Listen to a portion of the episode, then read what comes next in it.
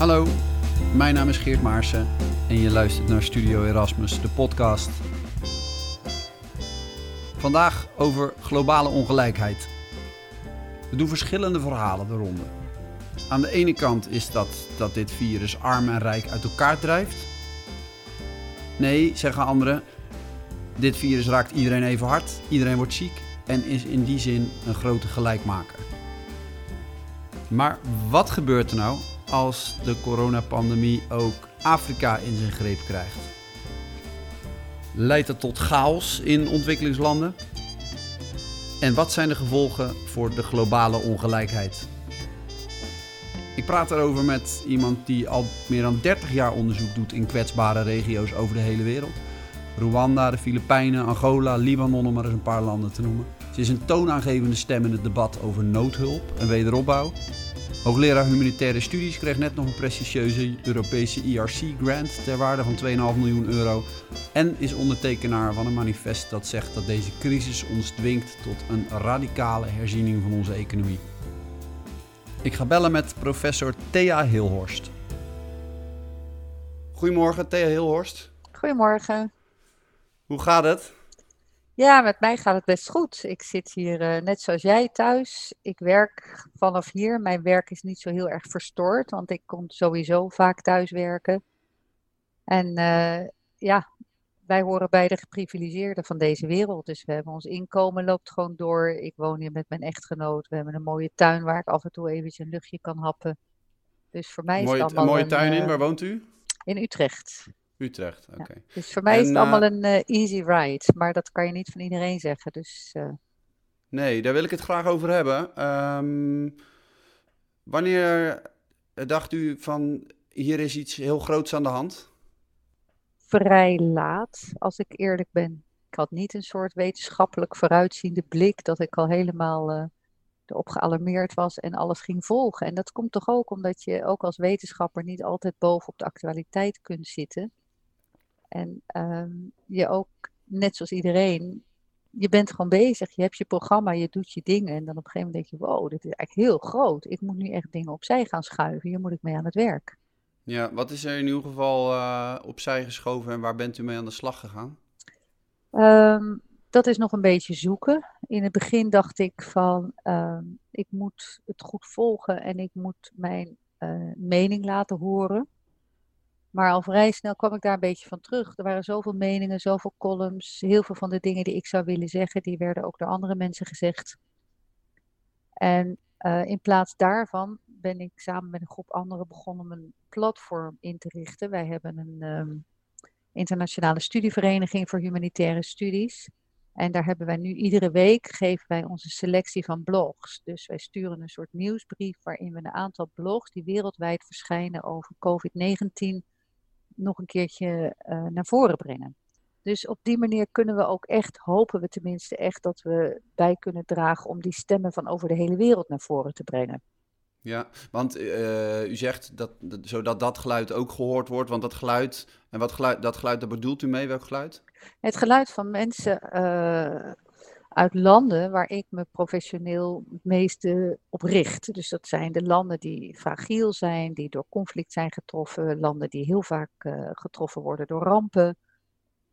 Gaat uh, bijna altijd gepaard met uh, zware armoede. Dus die landen waar ik ook mijn onderzoek doe, dat zijn natuurlijk de landen waar ik nu ook het meeste zorgen over maak. Of in Ja, ieder geval me het meest betrokken bij voel. En, en noem er eens een paar. Nou, Congo, Bangladesh, Afghanistan, al die plekken waar ik onderzoek doe. Je hebt ze eigenlijk net opgenoemd, Libanon. Probeer Ja. de Filipijnen te volgen, Brazilië. Ja, en eh, kunt u eens een schets geven van wat daar op de... We weten natuurlijk wat er nu in Nederland gebeurt. We volgen op de voet wat er in Europa gebeurt. We volgen bijna net zo eh, actief wat er in de Verenigde Staten gebeurt. Ehm, kunt u een beetje een beeld schetsen van wat er eh, in, een, in een deel van de landen die u nu opsomt aan het gebeuren is? Nou, op de eerste plaats dan zou je waarschijnlijk willen weten van wat doet het virus in die landen. En daar weet ik eigenlijk, niet alleen ik, maar wij weten daar eigenlijk nog het minste van. Want En met wij bedoelt u? de wereld, want eh, in Afrika is ehm, is het virus nog helemaal niet zo breed verspreid. Er zijn een aantal gevallen hier en daar. En aan de ene kant kun je verwachten van, nou, als het virus daar eenmaal is aangekomen, dan zal het wel flink huishouden. Want Mhm. je hebt in Afrika ook nog eens te maken met ondervoeding. Veel, veel meer dan bij ons.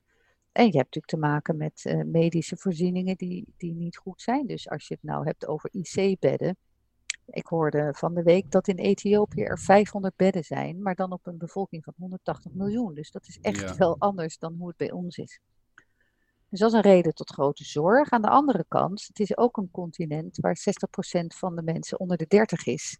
Dus misschien dat het virus zich daar heel anders verspreidt dan bij ons. Dus dat weten we eigenlijk nog niet zo goed. Ja. Wat we al wel kunnen zien, is dat de overheden en wat overheden doen en hoe politiek uitwerkt. En dan zie je dat over, een aantal overheden, ook in Afrika, gelijk ehm, een enorme eh, sprong gemaakt hebben naar hele strakke maatregelen. En ehm, in de verwachting dat het virus heel erg zou kunnen worden, meteen eigenlijk, bijvoorbeeld in Congo, daar was één coronageval bekend van iemand die op een conferentie in Frankrijk was geweest en naar huis kwam naar Congo en ziek was geworden. En toch heeft de president daar het hele land op slot gezet, drie weken lang. En niemand mag de deur uit en meer reizen. Van het Mhm. een op het andere moment. Dat betekent, en, en nog los van, want ik ben geen viroloog of zoiets, hè, dus ik, eh, ja, ik, misschien dat de overheid het goed doet, maar ik kijk naar de consequenties en dan zie ik dat bijvoorbeeld een eh, familie van een promovendus van mij, ja, zij zagen dat dus totaal niet aankomen. Ze hebben vijf kindertjes, zij wonen in Bukavu in het oosten. De vader was voor het werk een provincie verderop mensen aan het interviewen. Dat is een onderzoeker in een project van mij, notabene. Zijn Mhm. vrouw was op dat moment in Kinshasa, die had daar iets te doen. En ineens zit de hele familie verspreid over het land en kunnen elkaar niet meer bereiken. Want het was, Ja. was geen enkele vooraankondiging, op geen enkele manier van nou over twee dagen dan, hup, boem. Dus die Ja. zitten nou gewoon allemaal opgesloten op verschillende plekken in het land. En in vijf, Oh, ja, echt? Oh, met ja. vijf was- kindertjes, vijf kindertjes in het oosten. Dus ik vind dat wel En dan heel is dit nog een gezin wat het relatief goed voor elkaar had, denk ik, als onderzoekers eh, met een huis. Ehm, Ja, nee, dat is wel een gezin waar iets van inkomen is, dat klopt. Ja. Ja, ja. want eh, het, wat, wat in zo'n land moet het toch een extreem effect hebben ook als je het land dichtgooit op... Kijk, wij zitten hier inderdaad, wat je terecht noemde, geprivilegeerd bij. Ehm, ik verveel me af en toe eh, de pleuris en ik vind het heel vervelend dat mijn dochter niet meer naar de crash kan, maar zover zo gaan mijn problemen ongeveer. Mhm. Ehm, die problemen zijn daar wel eventjes anders, hè? Nou ja, als het virus echt toe gaat slaan in Afrika, Mhm. of als overheden zich gedragen alsof het virus al toegeslagen heeft, Nou, exact, maar zelfs als een lockdown heeft al desastreuze Ja, effecten, toch? enorm. Want eh, ja, je hebt het eigenlijk zelf al gezegd, de economie die draait op een andere manier. Er is echt geen overheid die zegt van hier kun je nu een uitkering aanvragen omdat je in de Nee. problemen komt. Die is er niet. Tegelijkertijd, ook daar zit een stukje onvoorspelbaarheid in. En dat is dat de economie overwegend informeel is. Mhm. En trekken mensen zich echt iets aan van de lockdown of niet? En hoe gaat dat nou in de werkelijkheid? Oh ja. Dat moeten we nog wel een beetje bezien. Want je hoort nu heel vaak dit soort la- de, de landen waar zo'n grote informele economie is, Mm. die gaan extreem lijden. Want dat is eh, dat, onder een lockdown situatie. Want het is een beetje een van dag tot dag situatie eigenlijk. En een dag niet gewerkt is een dag geen geld. Maar jij zegt eigenlijk dat zou wel eens heel anders kunnen uitwerken dan we nu denken. Nou, dat zeg ik eigenlijk ook weer niet, want daar ben ik het natuurlijk helemaal mee eens. En dat zijn die mensen die zitten in een precaire situatie en hebben inderdaad weinig te makken. Dus wat jij net zei, als je een dag geen inkomen hebt, dan heb je ook niet de spaarcentjes om dat op te vangen. Nee. Dus mensen zijn extreem kwetsbaar. Maar wat ik zeg eigenlijk is, we weten niet helemaal zeker wat die effecten zijn op een informele economie, waar mensen ook hun eigen richting geven aan wat zij doen. En waarom ik dit een belangrijk punt vind, is omdat het samenhangt met mijn ideeën over hoe je wel of niet moet reageren op deze crisis Mhm. in deze landen. En ik denk dat die manier die nu gekozen wordt, bijvoorbeeld in Congo, met ongelooflijk top-down, de regering knalt er gewoon een serie maatregelen in. Geen enkel probleem om de politie erachteraan te sturen of het leger. In een land waar niemand vertrouwen heeft in de overheid. Iedereen vindt de overheid gewoon een stelletje schurken, incompetente Mhm. schurken. En dat zijn ze in een aantal gevallen ook, toch? Of niet? Ja, dus is, er is gewoon totaal geen vertrouwen in de overheid. Dus het werkt er ook anders dan bij ons, waar wij natuurlijk ook onze issues hebben. Maar als Rutte bij ons op de tv vraagt of we heel alsjeblieft thuis blijven, dan gaat iedereen thuis blijven. Terwijl in een aantal landen zullen mensen denken, "Waar- wat heeft de overheid nu weer verzonnen? Heb je het al gehoord? Ze hebben het over een virus. Nou, het virus bestaat helemaal niet. Heb jij het al gezien? Ik niet. Ik ga gewoon naar buiten. Vergeet het maar. Dus daar werken die top-down maatregelen alleen maar voor zover je er echt bovenop staat. En dat kan gewoon niet georganiseerd worden. En daarom denk ik ook terug aan ebola een paar jaar geleden in Oost-Afrika. Toen ebola in Oost-Afrika was, toen ging er ook enorme top-down en het leger en de regering. Nou, dat gaf gigantisch veel sociale onrust. Mensen geloofden het niet, mensen wilden er niet aan. Mensen gingen patiënten thuis verstoppen in plaats van naar het ziekenhuis brengen. Want ze wisten als Mhm. we een patiënt naar het ziekenhuis brengen, dan mogen we er nooit meer bij. Dus gingen ze patiënten thuis verstoppen met alle gevolgen van die. Want ebola is nog veel besmettelijker dan het coronavirus. En daar werd door schade en schande geleerd als je de samenleving er niet bij betrekt. Als je niet ook van onderop werkt, als je niet gebruik maakt van instituties die er zijn, kun je zo'n crisis niet aan. Dus in plaats van roepen, alles gaat dicht, de scholen gaan dicht, zou ik denk ik daarin, juist in een land als Congo, heel hard over nadenken voordat ik dat deed. En ik zou misschien juist denken van laat die scholen open en zorg dat alle leraren erbij betrokken worden en iedere dag weer opnieuw met die kinderen erover praten. Wat is het gevaar van het virus? Was je handen als je thuis komt. Probeer afstand te houden. Ook al woon je heel klein, kunnen we iets voor je doen.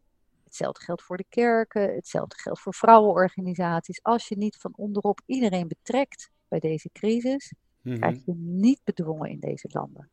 Ja, en dit, dit, dit, dit galmt, deze boodschap galmt al een tijdje door ook in jouw eerdere werk. Hè? Eh, je levert al lang, je kijkt al lang kritisch naar de manier waarop eh, niet alleen hulporganisaties, maar ook overheden ehm, reageren op eh, crisissituaties, op conflicten.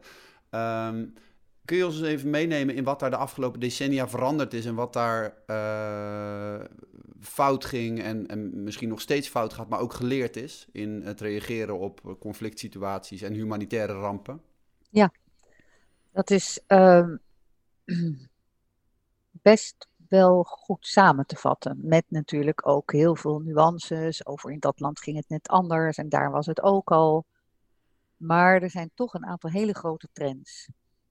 En die is dat in de jaren 80, 90 van de vorige eeuw werd hulp heel erg bekritiseerd vanuit de marge.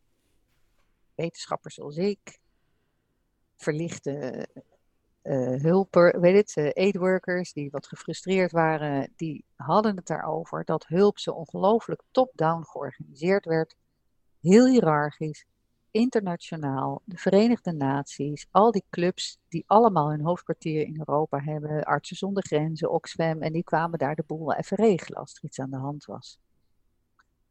Weinig vertrouwen in de bevolking, ook echt bizarre veronderstellingen dat als je een natuurramp meemaakt, dat je daarmee niets meer kunt, niets meer bent. Alleen nog maar slachtoffer. Terwijl als jij gisteren bakker was, dan ben je dat vandaag ook nog steeds. Dus dan kan je ook gewoon brood bakken. En dan is het echt niet nodig dat er ineens iemand komt en de hele buurt voorziet van eten. Misschien moeten ze jou wat meel brengen. Dan kan jij gewoon brood bakken voor de buurt. Weet je, dus dat hele idee dat er geen capaciteiten meer waren, maar dat de hulp dan moest komen en de pool gewoon over moest nemen, was heel erg ontwikkeld. Was heel veel kritiek op. Nou, wat we nu zien sinds de, de, de eeuwwisseling en met name sinds 2010, is echt een hele andere manier van denken. Waarbij je kan zeggen van die kritiek die uit de marge kwam en er altijd wel was, is nu echt mainstream geworden. Dus nu de Wereldbank, de Verenigde Naties, de grote donoren, Nederland Engeland, de Verenigde Staten hebben allemaal hun verhaal veranderd en zeggen van we moeten uitgaan van de kracht die mensen nog hebben, van hun weerbaarheid, de resilience wordt dat dan genoemd. Mensen kunnen zichzelf helpen. Uh, in samenlevingen zijn allerlei capaciteiten om te helpen. Wij moeten dat ondersteunen. We moeten daarbij ondersteunend werken, maar niet de boel meer overnemen. Dus dat is echt een grote verandering in het verhaal. En dan wil ik niet zeggen dat de praktijk helemaal mee is veranderd. Hè? Want ik wou net zeggen, want is daarmee ontwikkelingshulp, uh, ontwikkelingswerk uh, ook efficiënter, effectiever? zijn we beter geworden in mensen helpen? Nou, even voor de duidelijkheid, dat waar ik me mee bezig houd, is niet zozeer ontwikkelingssamenwerking. Want daar waren die discussies al in de jaren zeventig op gang gekomen. Maar ik zit echt in die wereld van de humanitaire hulp. Dus daar waar rampen, conflicten zijn en waar mensen gewoon niet of nauwelijks kunnen overleven en daarom hulp nodig hebben. Dat is mijn terrein. En wat we nu zien is voor een deel veranderingen. Er is natuurlijk ook heel veel leren. Er, er, wordt heel veel geëxperimenteerd op een goede manier. Tegelijkertijd maak ik me ook zorgen over hoe die grote trend, nu die zo mainstream is geworden, wat die nou eigenlijk echt gaat doen. En waar ik met allermeeste zorgen over maak, is dat als je uitgaat van, als je, als je, nee, sorry, als je loslaat het feit dat als mensen een vluchteling zijn, dat ze dus daarmee kwetsbaar zijn en recht of aanspraak zouden moeten kunnen maken op hulp. Als je dat mhm. idee loslaat en in plaats daarvan zegt, nou ja, dat ze vluchteling zijn, dat is één ding, maar we gaan nu eerst eens kijken of ze zichzelf kunnen redden. En alleen die mensen die zichzelf niet kunnen redden, die echt super kwetsbaar zijn, die helpen we. De rest moet zichzelf redden. Nou, dat kan je dan zien als een teken van respect, waardigheid. Mensen willen liever zelf werken dan hun hand ophouden. Maar als die mogelijkheden er niet zijn om te werken, gewoon omdat die overheid zegt het mag niet, of er is geen werk, of lokaal zeggen de bevolking van jou eens even, je concurreert mij de markt uit, wegwezen jij. Dan heb je dus een situatie waar mensen geen hulp meer krijgen, maar het ook niet kunnen redden. En dan heb je eigenlijk gewoon mensen in de steek gelaten. Ja. En dat is een trend die ik heel zorgelijk vind. Dat we dus eigenlijk de empathie, het automatische gevoel van mensen die een vluchteling zijn, die hebben ons nodig, die moeten we helpen, dat we dat idee steeds meer loslaten. En dat heeft ongelooflijke onbedoelde negatieve consequenties. En ik denk dan ook aan mensen die in Lesbos zitten, mensen die aankomen, mensen die in Libië zitten, mensen die vanuit Afrika Europa proberen te bereiken, waar een ongelooflijke onverschilligheid over ontstaan is. Ja. Hoe is dat, Bijna hoe is dat, dat mensen denken, nou ja, best verdrink maar in de Middellandse Zee, had je niet in zo'n bootje moeten stappen. Ja, de, de laatste keer dat wij elkaar spraken is al een paar jaar geleden, ik denk bijna vijf jaar geleden denk ik. En toen vroeg ik u naar ehm, of, uh, volgens mij iets naar hoe het gesteld was met uw optimisme over uh, de staat in de wereld, over actuele ontwikkelingen. En toen was er wel wat zorg over een paar dominante leiders die in opkomst waren. Filipijnen, de Verenigde Staten. Maar verder zei u nou, ik, ik ben optimistisch van aard, wat ik, dus ik, ik, ik hou de moed erin. Dat wordt niet makkelijker, hè, zo? Nee, en toch hou ik wel vast aan mijn optimisme in zekere zin, maar ik zie optimisme eigenlijk meer als een keuze. Niet zozeer als een uh, geestelijke aandoening, mm een psychische aandoening. Ik zie optimisme ook als een keuze. Ik denk ja. Anders kan je net zo goed uh, stoppen met, uh, met wat je doet, eigenlijk. Precies. Ja. En um, ik vind bijvoorbeeld heel inspirerend wat Hannah Arendt, filosoof, zei. Die zei van in tijden van de vreselijkste crisis zijn het eigenlijk niet de leiders en de ideeën die ons er doorheen helpen, maar het feit dat allerlei mensen op allerlei plekken hele kleine lichtjes brandend houden. Zeg maar de mhm. as steeds een beetje brandend houden, om hele kleine vuurtjes brandend blijven houden. En toen ik dat zag bij een seminar, dat iemand die quote van haar liet zien, toen dacht ik, dat is het helemaal precies. Dat is ook precies eigenlijk wat mij altijd toch optimistisch maakt als keuze. Dat ik blijf kijken en zoeken naar die kleine vuurtjes die brandend gehouden blijven worden. Gewoon op hele kleine manieren. In Congo, een klein instituutje, ergens anders, een vrouw die twintig weeskinderen in huis neemt. En als we dat loslaten en als we daar niet meer naar kijken, dan zien we het ook niet meer. Ja, maar wat is het nou zo dat als je uh, het werk doet wat u doet, uh, veel naar conflictgebieden reizen, uh, de mens niet altijd op zijn gunstigst aantreffend, kan ik me voorstellen, dat je dan daar een soort weerbaarheid voor ontwikkelt ook? Nou, als ik kun je, beter ben, tegen, kun je beter tegen ellende? Als je het veel ziet? Ik heb minder last van het zien van ellende. Want dat ik daar ook altijd mensen in tegenkom die gewoon alles kunnen doen wat ze kunnen om daar iets aan te doen. Daar heb ik minder last van dan wanneer ik naar de tv kijk en een aantal mensen hoor blaten vanuit hun veilige plek, om het maar weer even te zeggen, met een glaasje witte wijn in hun handen. Mhm. En die zich de meest afschuwelijke uitspraken permitteren over die mensen die zouden gewoon zus, of die verdienen het niet, of dat zijn profiteurs. Of... Kijk, daar heb ik last van. En op dat moment denk ik, wat is de mens toch slecht? Dat denk ik eerlijk gezegd niet als ik in die vluchtelingenkampen ben. Oké. Ehm, je, je raakt hier aan een thema, hè, want de, de afgelopen jaren, decennia zijn we steeds meer van de wereld gaan ontdekken. Steeds meer gaan reizen over de wereld, steeds meer gaan, gaan zien uh, van die wereld. Uh, met de vluchtelingenstromen die de afgelopen jaren flink op gang zijn gekomen, wordt er letterlijk op, op onze deur gebonkt ook. Hè? Dat is waar dit, dit soort reacties ook door uitgelokt worden, denk ik. en ik wil, je, wil het even met je hebben over ehm, die ongelijkheid die zich, die zich echt aan ons opdringt en die nu wel ja, heel nadrukkelijk uh, zichtbaar wordt ook door deze corona-uitbraak. Um, er is veel over gezegd de afgelopen weken al, ook door economen. Maar hoe, hoe kijk jij daarnaar, naar de, de toenemende verschillen tussen, tussen arm en rijk en de relatie met deze uh, virusuitbraak? Um, nou, de toenemende ongelijkheid is al bekend van voor corona en een zorg van heel veel mensen. Corona zet daar een vergrootglas op. Corona creëert geen ongelijkheid. Corona is een, uh, geeft ons een lens, een vergrootglas om die ongelijkheid ineens te zien. En uh, het feit dat corona zich kon verspreiden is natuurlijk niet een kwestie van de arme mensen, maar juist van de jetsetters die reizen, die verspreiden mm -hmm. het virus. Ja, ja.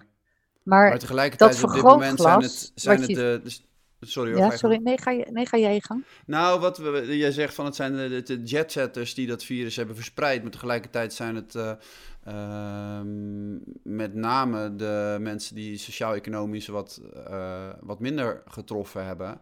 Eh, die op dit moment toch het meeste geraakt worden. Ik las gisteravond nog over de Verenigde Staten, waar een derde van de coronapatiënten Afro-Amerikaanse achtergrond heeft. Terwijl ze maar 13% van de uh, Amerikaanse bevolking uitmaken.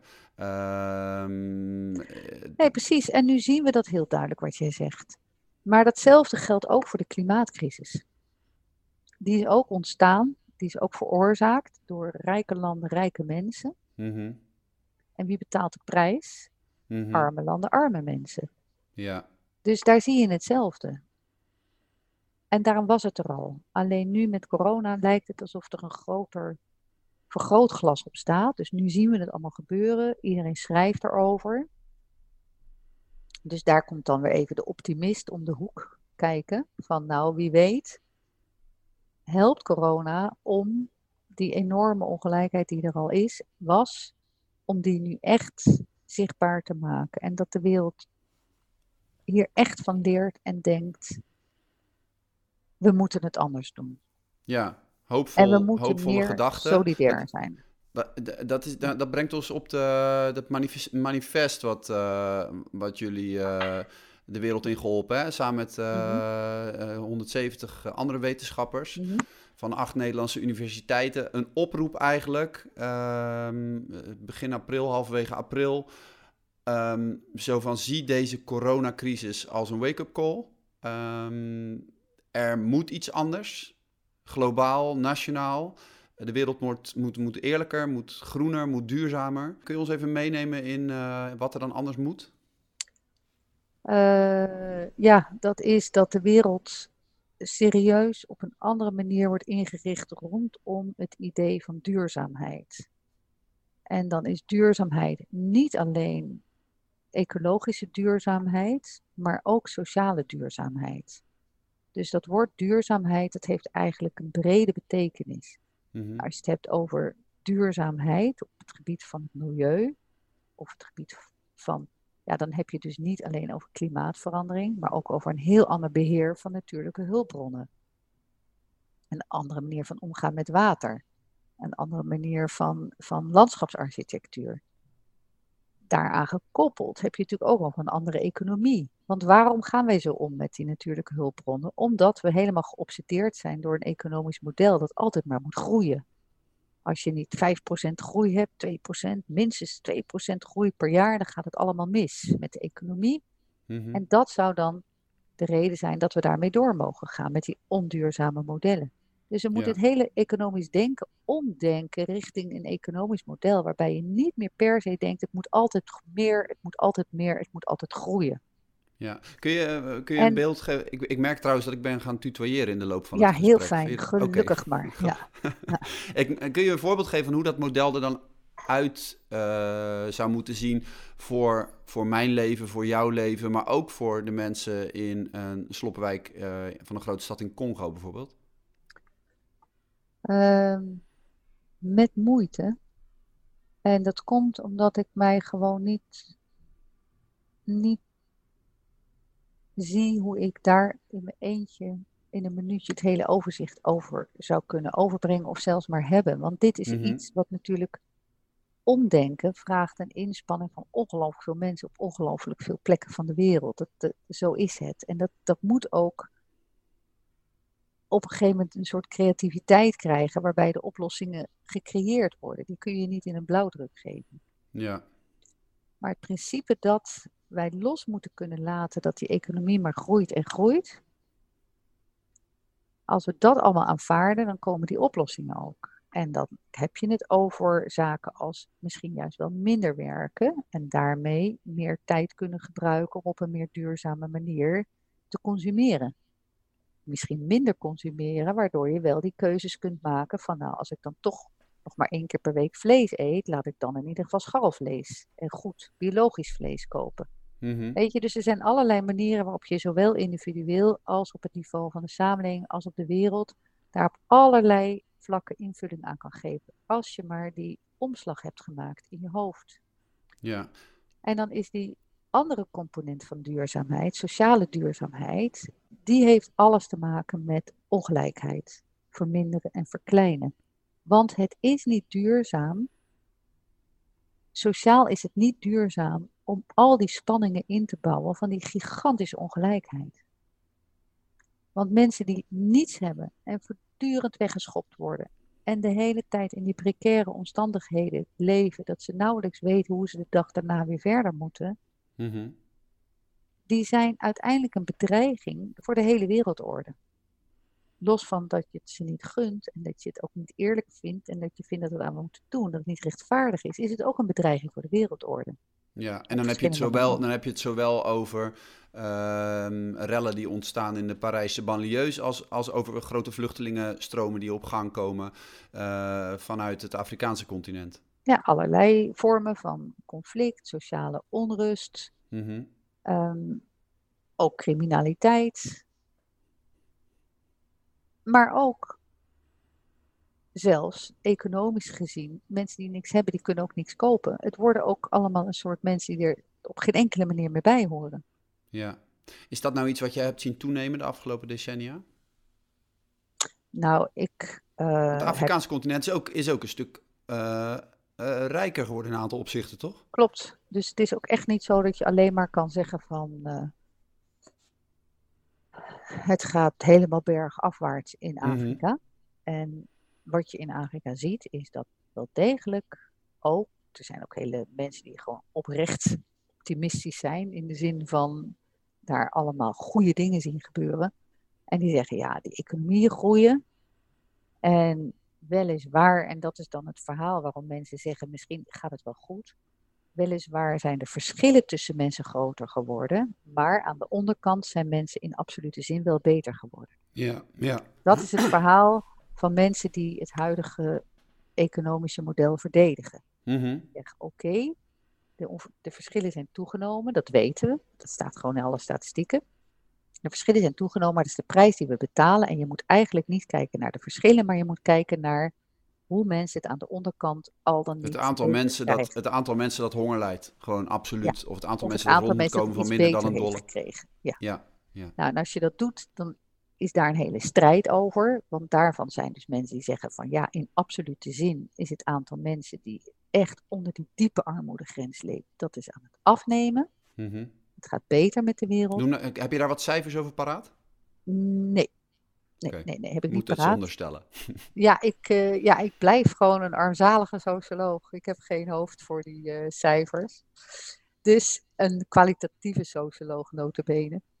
Maar dus enerzijds zeggen sommige economen van, ja oké, okay, je ziet die armoede afnemen. Aan de onderkant van de piramide zie je gewoon dat mensen ook opgelift worden.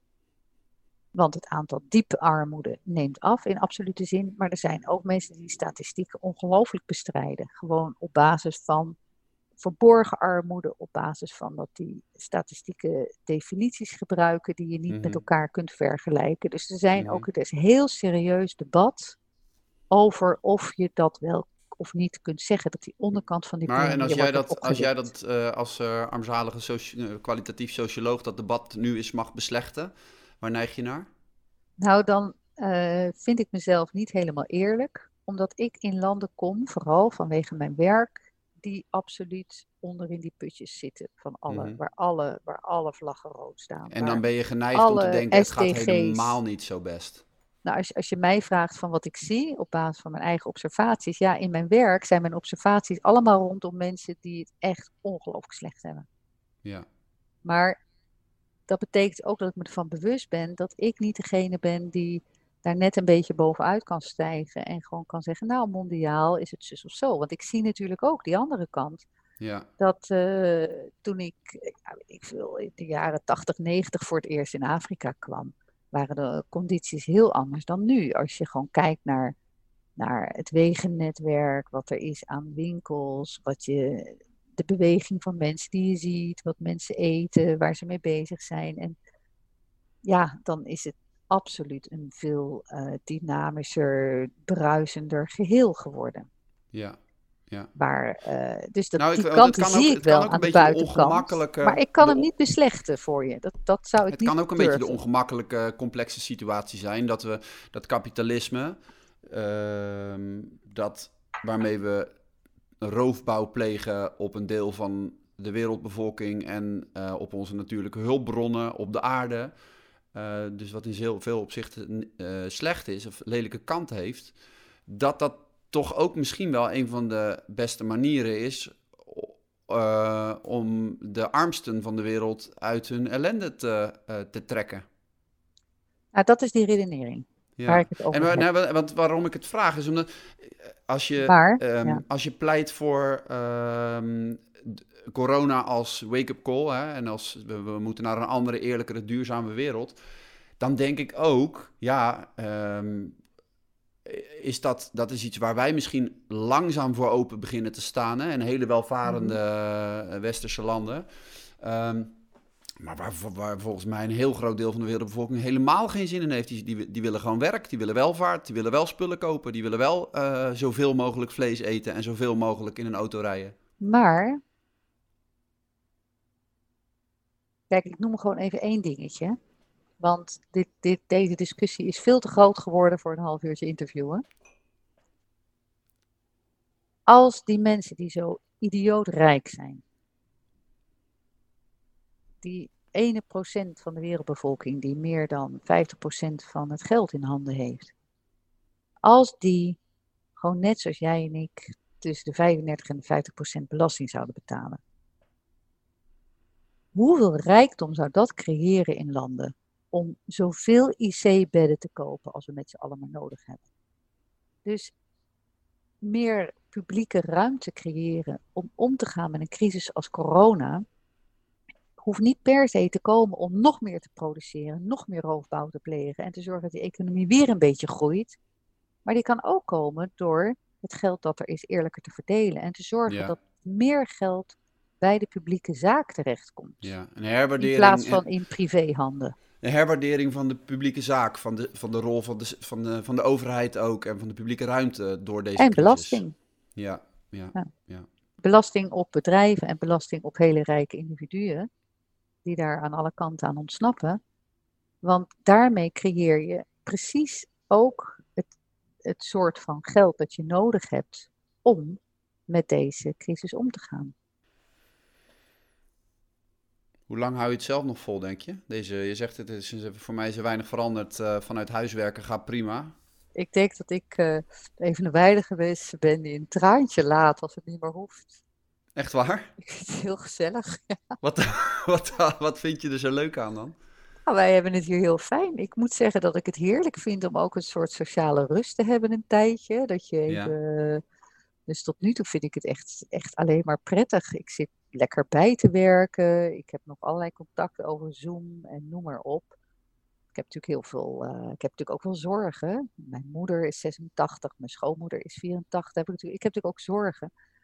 Maar voor mezelf kan ik nog zo heel lang doorgaan. Ik heb het gewoon fijn thuis. En uh, mijn man en ik vinden het ook heel erg leuk om meer tijd op deze manier met elkaar door te brengen. Dus ik vind het eigenlijk heel fijn. Ja, ik ga lekker hebt, wandelen. Uh, je hebt kinderen ook, hè?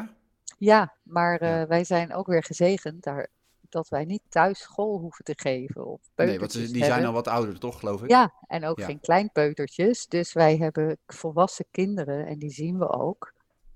Ehm, we zijn ook uh, ja, met inachtneming van afstand houden en een aantal voorzorgsmaatregelen. Komen ze ook gewoon nog over de vloer, niet in Oh ja. grote. We hebben vier kinderen.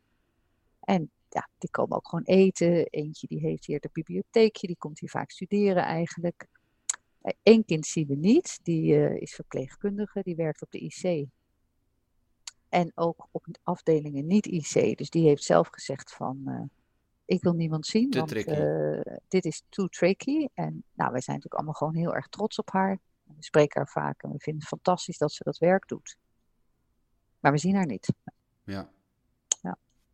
Grappig dat je zei dat je het zo leuk vindt, deze tijd. Ik vind het echt, ik, ik vind Nou het ja, echt vreselijk. Nee, niet leuk, maar ik bedoel dat je, mogen zeggen, maar ja. ja, dat je, het, eh, dat je het redelijk goed, eh, goed te doen vindt. Ja, nee, ik, bij mij komen de muren echt eh, op me af. En eh, ik, ik merk echt hoe vreselijk nodig ik het heb om eh, sociale contacten met enige regelmaat eh, fysiek ook te hebben en zo. Maar waarom heb je ze dan niet? Je kan ze toch hebben? Ja, ja, ik, ja, nee, ja ik, misschien ben ik toch nog wel iets te voorzichtig of zo daarin. Ik ben helemaal te- absoluut niet bang voor meneer, maar ik ga bijvoorbeeld ook niet bij mijn ouders langs. Nou, ik ben toevallig wel bij mijn moeder nu geweest. Maar dat komt omdat. Kijk, zij is 86 en zij zei op een gegeven moment, zei ze, vorige week zei ze ineens van nou ja, ik heb gelezen dat er pas volgend jaar een vaccin is. Dus ik blijf me zo opsluiten tot er een vaccin is. Ongeacht wat Rutte ervan zegt. En toen dacht ik, ja, oké. Ze heeft misschien een eh, levensverwachting van vijf jaar. En dan gaan we nu elkaar een heel jaar niet zien. Mhm. Met het idee van dan heeft ze die vier jaar nog, weet je wel. Ja, En ik denk heel erg in kansberekening. Want wat mij heel erg stoort, dat zijn eh, redeneringen. Kijk, van de week bijvoorbeeld. Hè, dan zeg ik tegen iemand van ja, ik ben bij mijn moeder geweest. Ik zeg, zo kan je dat nou doen? En zeg ik, nou, we houden twee meter. Ik gedraag me alsof ik corona heb. Ze zei, ja, je weet niet of je corona hebt. Ik zeg, nee, dus ik gedraag me alsof ik het heb. Dus Ja. ik hou twee meter afstand. Ik ben nergens aangekomen. Ik wou niet eens in haar huis. Ik had een thermoskan bij me met thee, mijn eigen kopje. En ik wilde eigenlijk niet eens in haar huis. We zaten in de tuin. Maar zij wou heel graag dat ik haar huis inging. Want haar bed was al vijf weken niet verschoond. En nog een aantal andere dingen. Dus ik heb handschoentjes aangedaan en wat klusjes voor haar gedaan. mhm. En dan zegt iemand weer van ja, maar je kan het ook overbrengen voorbij twee meter. En dan denk ik, ja, dat is misschien wel zo. Maar dit soort redeneringen die worden niet aan kansberekeningen gekoppeld. Zeg maar, als, als de kans zo is dat je het overbrengt als je symptomen hebt en je staat een meter van iemand vandaan en je niest hem recht in zijn bek, weet je wel ja, dan is de kans dat je het overbrengt voorbij twee meter, terwijl je geen enkel symptoom hebt, niet niest, niet hoest, die is er misschien ook nog wel. Maar dat is zo'n kansje. En dan is er eigenlijk gewoon de vraag, zeg jij, hoe uh, ben je bereid dat minuscule risico te nemen? Zeg jij ja, dat risico ben ik En dan denk ik van, bereid. het is een illusie dat we het risico naar nul terug kunnen brengen. Het is gewoon een mhm. illusie. Want het kan op een mhm. gegeven moment ook nog zitten op de brief die door de brievenbus binnenkomt, bij wijze van spreken. En dan denk ik ook van, sociaal contact is ook een levensbehoefte van mensen. Kijk, jij zegt het nu. En, uh, maar ik denk dat echt. Ik denk dat mensen dat serieus, zeker voor zo iemand zoals mijn moeder, die woont alleen, die is 86. Dat is ook een levensbehoefte. Dus ik ga nu voortaan iedere week naar mijn moeder toe. En dat wil ze ook graag. En ik ga gewoon loslaten dat als ze ziek wordt, dat dat dan door mij zou komen. Weet je wel, dat ga ik gewoon loslaten. Want het kan ook door iets anders zijn gekomen. Dus het is ook wel eens een boodschapje. Dus zo, en ik ga zelf ook nog naar vrienden toe.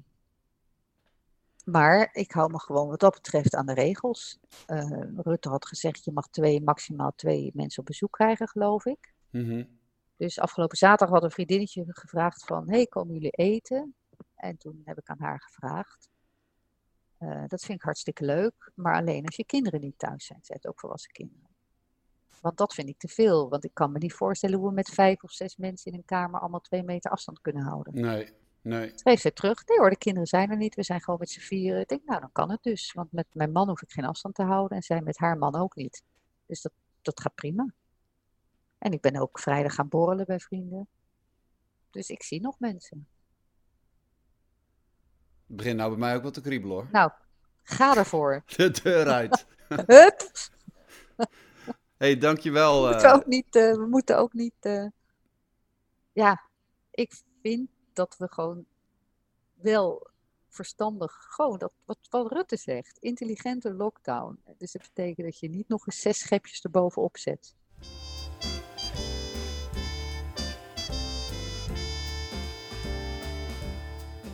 Je luisterde naar Studio Erasmus, de podcast een programma van de Erasmus Universiteit waarvoor ik elke week van achter mijn keukentafel bel met een beeldbepalende wetenschapper. De interviews zijn te beluisteren als podcast, bijvoorbeeld via Spotify, en te bekijken als video via studioerasmus.nl, waar overigens ook alle ruim 300 eerdere interviews te vinden zijn.